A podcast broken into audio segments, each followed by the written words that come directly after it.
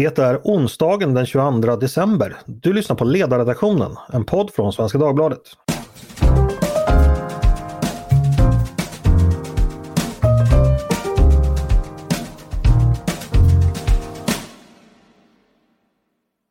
Varmt välkomna! Jag heter Andreas Eriksson.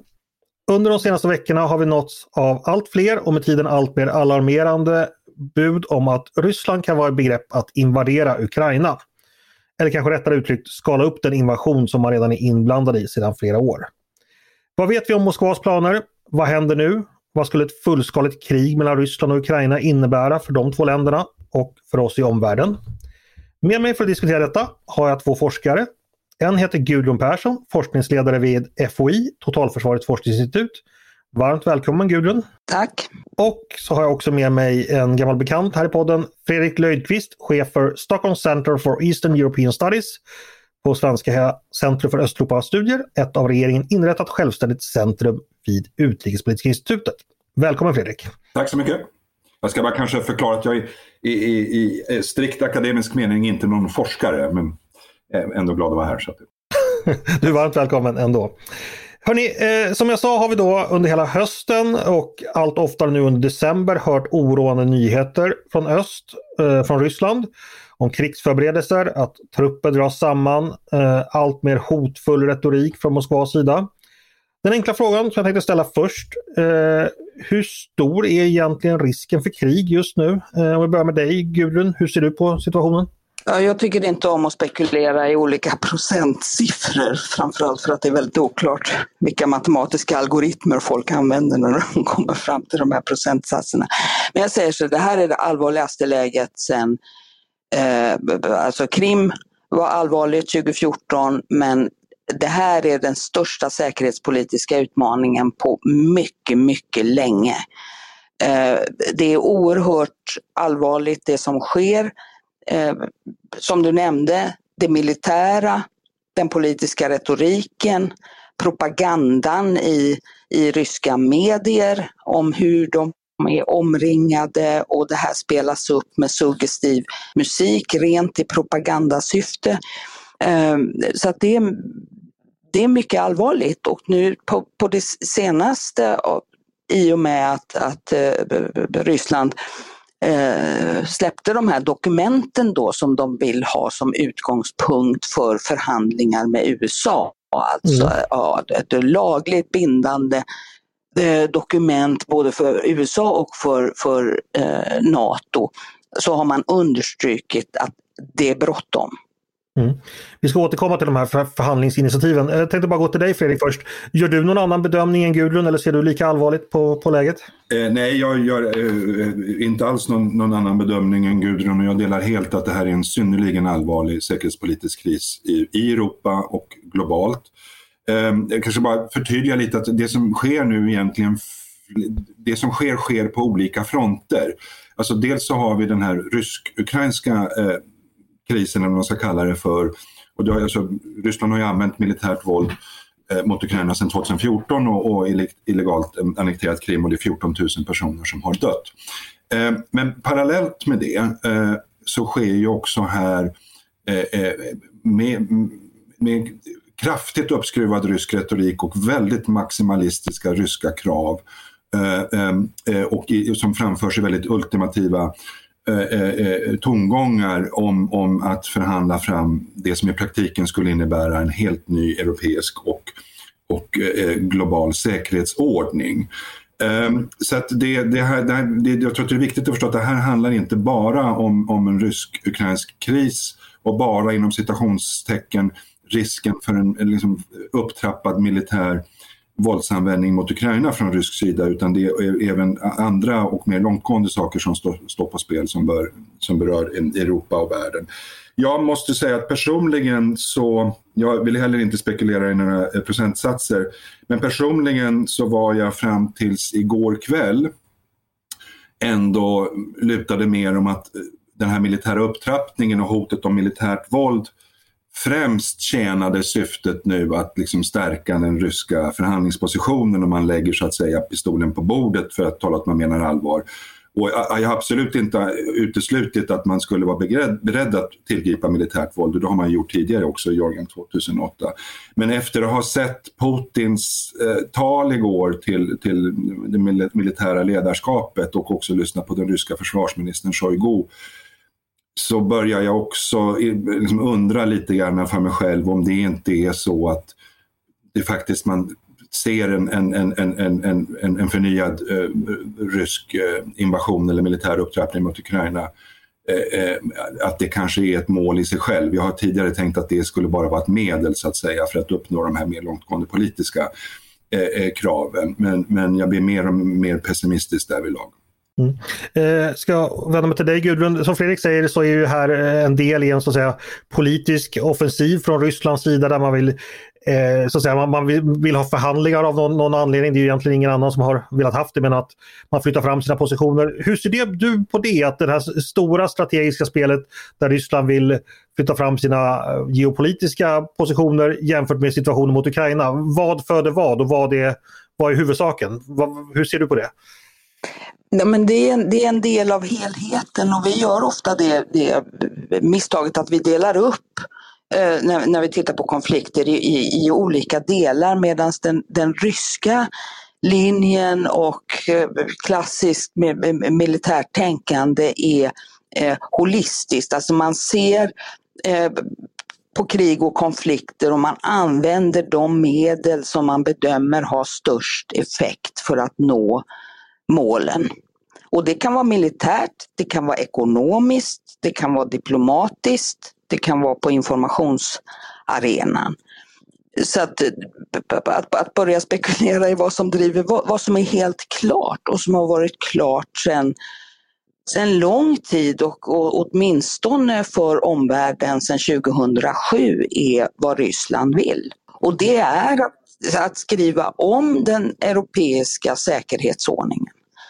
Att Ryssland ska ha rätt till en intressesfär eh, där så att säga inga andra får lägga sig i och de länderna som omfattas av intressesfären eh, har inte rätt att välja sin säkerhetspolitiska eh, väg eller vilket politiskt system de ska ha. De, de ska vara, eh, inordna sig eh, Moskva, stormakten Ryssland, eh, sin eh, vilja.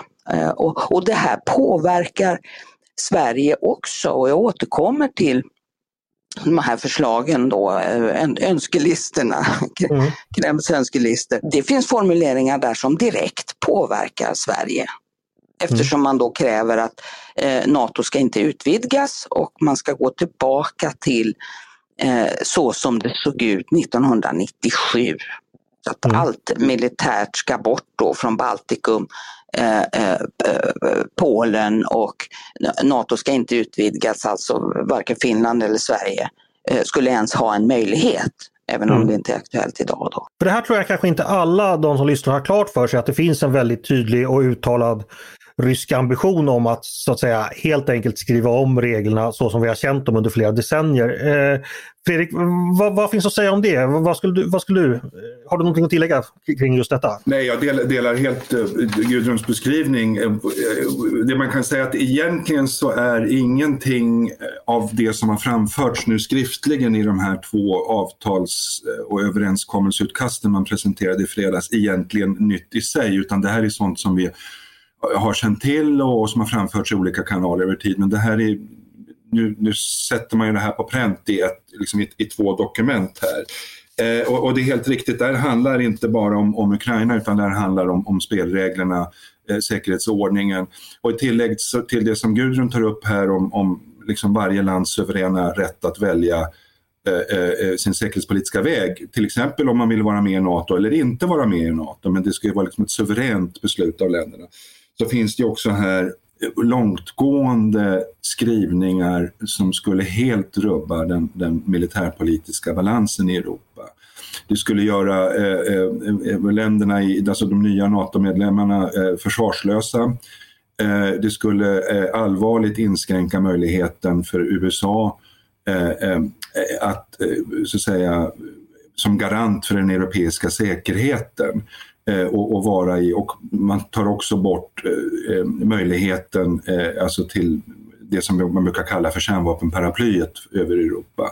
Det står skrivningar här då att man skulle mm, eh, till exempel bara få ha eh, kort och medeldistansmissiler, eh, robotar på sitt eget, på USA respektive Rysslands territorium. Problemet är att de ryska robotarna och taktiska kärnvapen skulle då nå Europa. Mm. Men inte de amerikanska och det här innebär i praktiken att kärnvapenparaplyt... Eh, eh, det här är ju tillbaka till den diskussion vi hade i början av 80-talet med SS-20 eh, de, de sovjetiska SS-20-robotarna och, och, och dubbelbeslutet som fördes.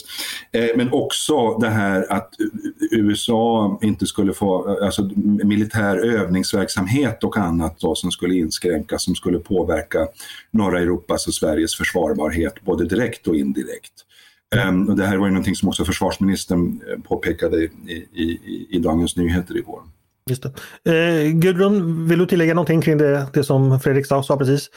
Jag håller helt med eh, Fredrik. Eh, möjligen ett litet tillägg är att, att eh, Ryssland har ju de senaste veckorna också, de talar om militärtekniska åtgärder och eh, det kan ju betyda flera saker, men en av de saker som, som den ryska sidan själv har nämnt är möjligheten att placera ut medeldistansrobotar i, eh, i Europa. Eh, mm. Och medeldistansrobotar kan ha både konventionella stridsspetsar och även ha kärnvapenstridsspetsar.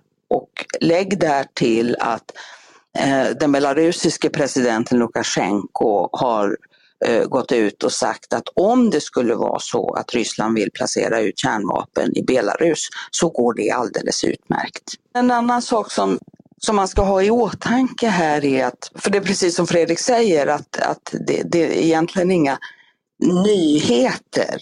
Det är bara det att nu kommer det samman på det här sättet. Och Putin har de, de, de senaste åren talat om och rättfärdigat det ryska agerandet i eh, Georgien, i eh, Ukraina med att vi måste rätta till historiska orättvisor. Mm. Eh, och nu bara för några dagar sedan så talade han om att det var inte bara Sovjetunionen som föll samman för 30 år sedan utan även det historiska Ryssland. Mm. Eh, och han har försvarat Molotov-Ribbentrop-pakten inklusive de hemliga tilläggsprotokollen. Han har försvarat vinterkriget mot Finland, Tjeckoslovakien 68 med just det här att vi ska rätta till historiska orättvisor. Och det här är synnerligen allvarligt och det får långtgående konsekvenser, den här retoriken. För att om, om vi då ska bara bortse från de avtal som reglerar säkerheten i Europa och börja rätta till historiska orättvisor, då tar det aldrig slut. Nej. Vad, vad är brytåret för när vi ska sluta rätta till historiska orättvisor? Mm. Men vi har ju områden runt Sankt Petersburg som har varit svenska längre än Krim någonsin har varit ryskt. Det är därför vi har de här avtalen. Jag ska påminna då att eh, om man då ska rätta till 1917 års så kallade misstag, då på den tiden ingick ju Finland exempelvis i det ryska väldet. Så att det ja. finns ju en dimension där. Eh, Gudrun, jag tänkte fortsätta med ytterligare en fråga till dig. Eh, varför sker det här nu? Vad är det som får Putin att agera? Är det bara tiden som är mogen eller finns det andra skäl? Vet vi någonting om det? Ja, alltså, och där har ju de ryska, de reviderade sin eh, nationella säkerhetsstrategi tidigare i år och eh, då skriver de att eh, internationellt, globalt ökar risken för militär användning av det militära instrumentet för att lösa internationella problem. Eh, så det, har man har tagit till sig och ser så att säga ett allt försämrat eh, globalt säkerhetsläge. Ehm, eh, INF-avtalet har fallit, Open Skies har eh, både USA och Ryssland lämnat. Ryssland har stängt sin NATO-representation i Bryssel. Lavrov åkte till Kina tidigare i år och sa att det är inte meningsfullt att diskutera med EU. Putin har upprepade gånger sagt att det är meningslöst att tala med Kiev och han skrev en artikel tidigare i år där han driver tesen att Ukraina inte är ett riktigt land. Mm. Och även Dmitrij Medvedev som är vice ordförande i, säkerhet, i det ryska säkerhetsrådet, har skrivit en artikel med liknande innebörd. Lägg där till att eh, Angela Merkel har avgått och hon var tidigare någon slags ändå fast punkt i, EUs e relationer med Ryssland. Hon är borta. Eh, Emmanuel Macron förbereder sig för presidentval eh, nästa år och allt det här sammantaget kan göra att Moskva uppfattar att nu finns det en möjlighet och ska vi göra någonting substantiellt så är det här en lämplig tidpunkt. Mm. Fredrik, vad tänker du om just eh, tajmingen att Moskva går till den här offensiven just nu? Nej, jag håller helt med, med Gudrun där. Alltså, en viktig faktor är ju att, ja, att man i Moskva ser att stjärnorna står i en gynnsam konstellation, eller man gör den tolkningen. Eh, och att man tror sig eh, ha, ha goda utsikter att nå framgång. Och just av de skäl som, som, som Gudrun eh, nämner här. Och också att man har en, som man upplever en, en försvagad amerikansk administration som är upptagen av, av inrikespolitiska frågor och har ett tydligt strategiskt fokus på Kina. Eh, eh, eh, och, men och, och, också att man, man, man, testade ju redan i våras så att säga, den nya Biden-administrationen. Den, den, här upptrappningen som vi har sett på, under hösten nu är ju delvis en, en, fortsättning på det vi såg i våras. Och det sammanföljer mer eller mindre med att den nya Biden-administrationen tillträdde. Och då uppnådde man ju det här toppmötet mellan Putin och Biden i, i, i Genève i juni eh, som jag tror nog att ryssarna såg, i varje fall initialt, som ett framsteg och man skulle fokusera på så kallad strategisk stabilitet, frågor som ryssarna känner sig bekväma med att diskutera, men där man då inte diskuterar eh, eh, eh, eh liksom, Rysslands hot mot sina grannländer, där, inflytelsesfärer och inte heller demokrati och mänskliga rättigheter och sådana saker. Sen har man kanske insett i, i, i Moskva att det var nog inte riktigt så enkelt. En annan faktor som tillkommer är, tror jag, att man ser eh, att man har ett möjlighetsfönster eh, som ser gynnsamt ut i förhållande till, till väst. Men man har också ett möjlighetsfönster i förhållande till Ukraina där man eh, då tro, först trodde att man skulle kunna eh, få Zelensky, att, den ukrainska presidenten, att bli mer medgörlig. Eh, men det har visat sig inte vara fallet och man ser nu också hur Ukraina stärker sin militära förmåga. Mm. Så ska man ha möjlighet att använda det militära vapnet mot, mot Ukraina så kanske man ser att det är ett möjlighetsfönster som på sikt kommer att stängas. Eh, och därför eh, så gäller det eh, att uppnå målen nu. Mm. Om det är så att eh, Ryssland då väljer att inleda militära operationer mot Ukraina då så att säga mer öppet än fullskalig invasion.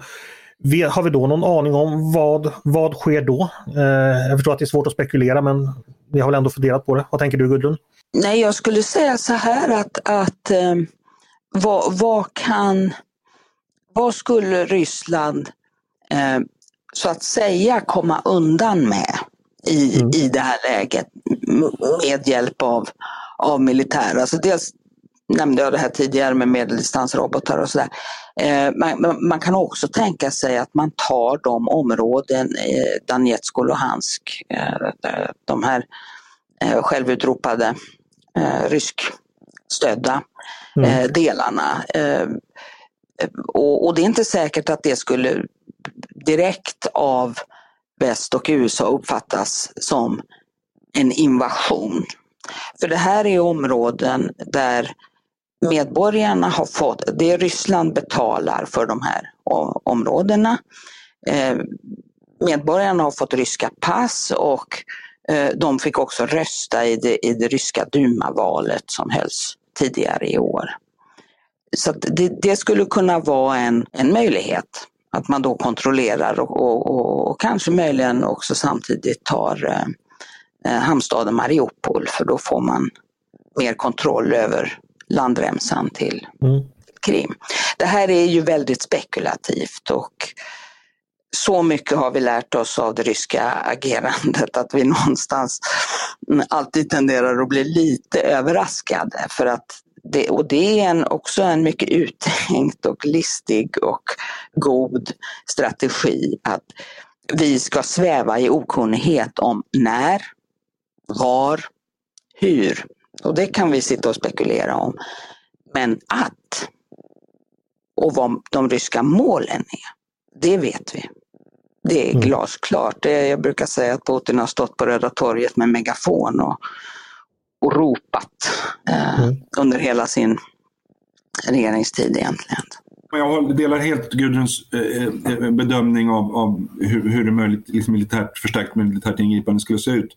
Jag tror att det är viktigt att inte fastna, som man gör ibland i väst, i spekulationen att det här rör sig om digitalt om svart eller vitt, ingenting eller en fullskalig markoperation som syftar till att ockupera hela det ukrainska territoriet. Utan vi kommer nog att se någonting som rör sig eh, mittemellan där. Jag har som sagt var hittills eh, gjort bedömningen att en, en, ett militärt ingripande skulle syfta till att få den ukrainska regeringen på fall eh, och få en, en, ett, ett nytt ukrainskt ledarskap som skulle vara mer fogligt för, för, för de ryska kraven. Och då Eh, om man gör den bedömningen så tror jag inte att ett liksom markoperation, en omfattande markoperation nödvändigtvis är det bästa sättet utan det kan man ju göra genom någon form av chock and awe, genom flygangrepp, eh, fjärrdistans, eh, eh, eh alltså robot och raketsystem och sådana saker. Eh, eh men, men allt det här är, igen, det är spekulationer precis som Gudrun säger.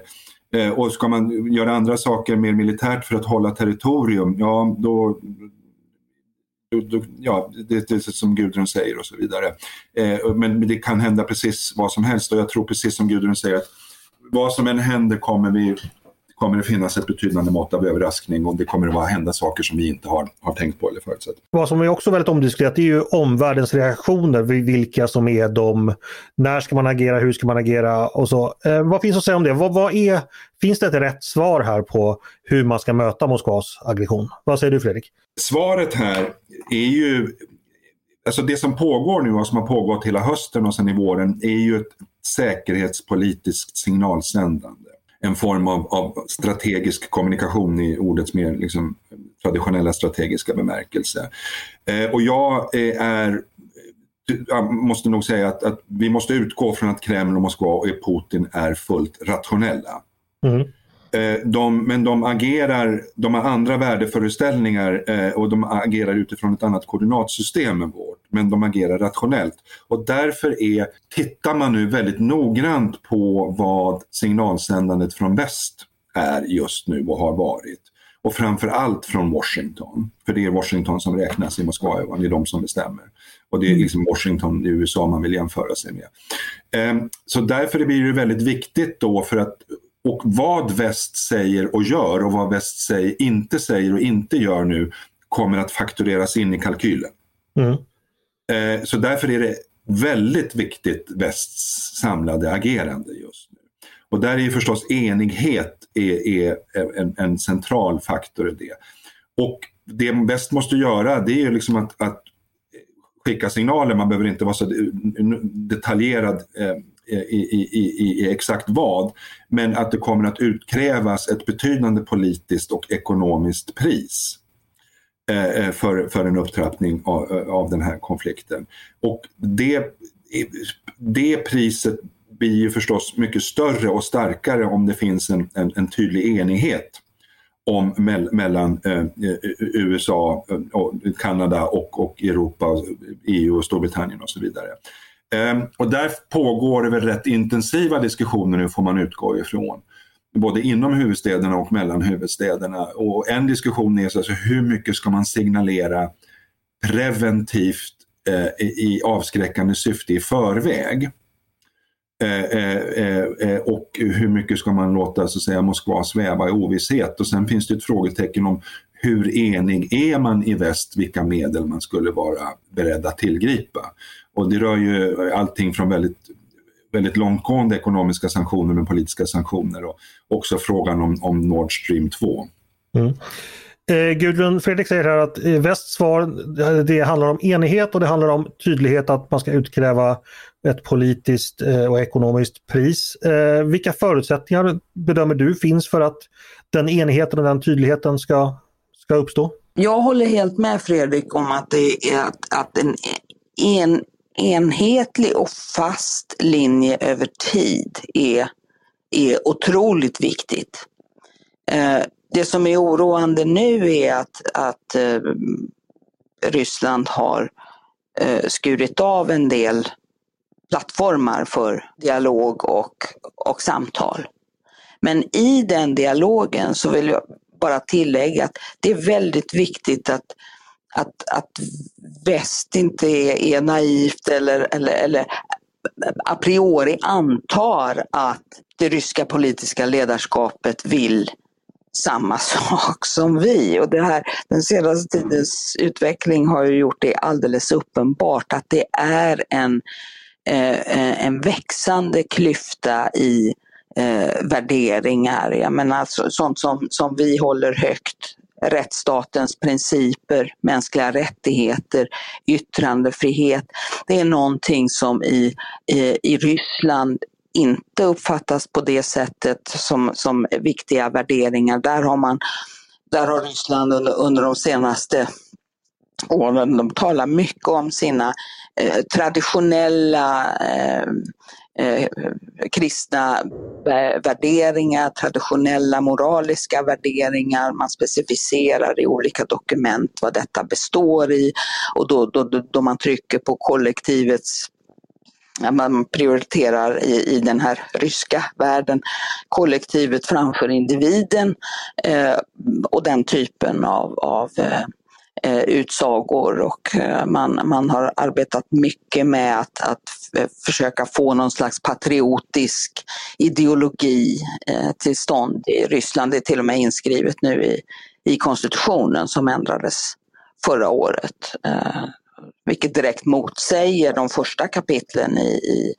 i ryska eh, konstitutionen där det säger att man får inte ha någon sån här statlig ideologi. Och det här måste vi vara medvetna om att det är en, eh, en klyfta och utifrån det ändå försöka komma till någon slags lösning. Vad som oroar mig just nu är vad skulle kunna få Ryssland att trappa ner att, att, att backa lite grann. Och det kanske Fredrik har, har några idéer om. Men, men samtidigt det här som Putin sa till det högre generalitetet igår, då han uttryckte det så att väst står på vår tröskel. Trodde de inte att vi måste agera? Är det något som är oklart här? Och jag menar som, som strategisk kommunikation och politisk, säkerhetspolitisk signal så är det, det är ju rena larmet. Mm. Och jag bara undrar hur, ut, ut, utifrån det höga tonläget och med all, alla militära rörelser, vad, vad, skulle kunna i det här läget få Ryssland att backa? Ja, vad tror du Fredrik? Finns ja, det något? Kan jag bara först flika in och komplettera det vad Gudrun sa om att, att vi lever i olika värdesystem och, och, vi har olika världsbild som, som vi befinner sig långt fram. Och det tror jag är en väldigt central punkt där som Gudrun tar upp. Att vi, vi, vi, vi, vi agerar utifrån olika koordinatsystem och det gäller inte bara det här som Gudrun tog upp, värderingsmässiga, eh, det sociala och det mer inrikespolitiska utan det gäller ju också synen på, på säkerhetspolitik och utrikespolitik. Där, där ju Ryssland lever i en, in, in, in, annan tid, i en annan världsbild. Där man, jag har talat om ett nytt Jalta, man kan också säga att det Ryssland eftersträvar här det är en slags ny Wienkongress och helig allians, att man går tillbaka till 1800-talets eh, stormaktsspel som ytterst bygger på, på militär eh, makt.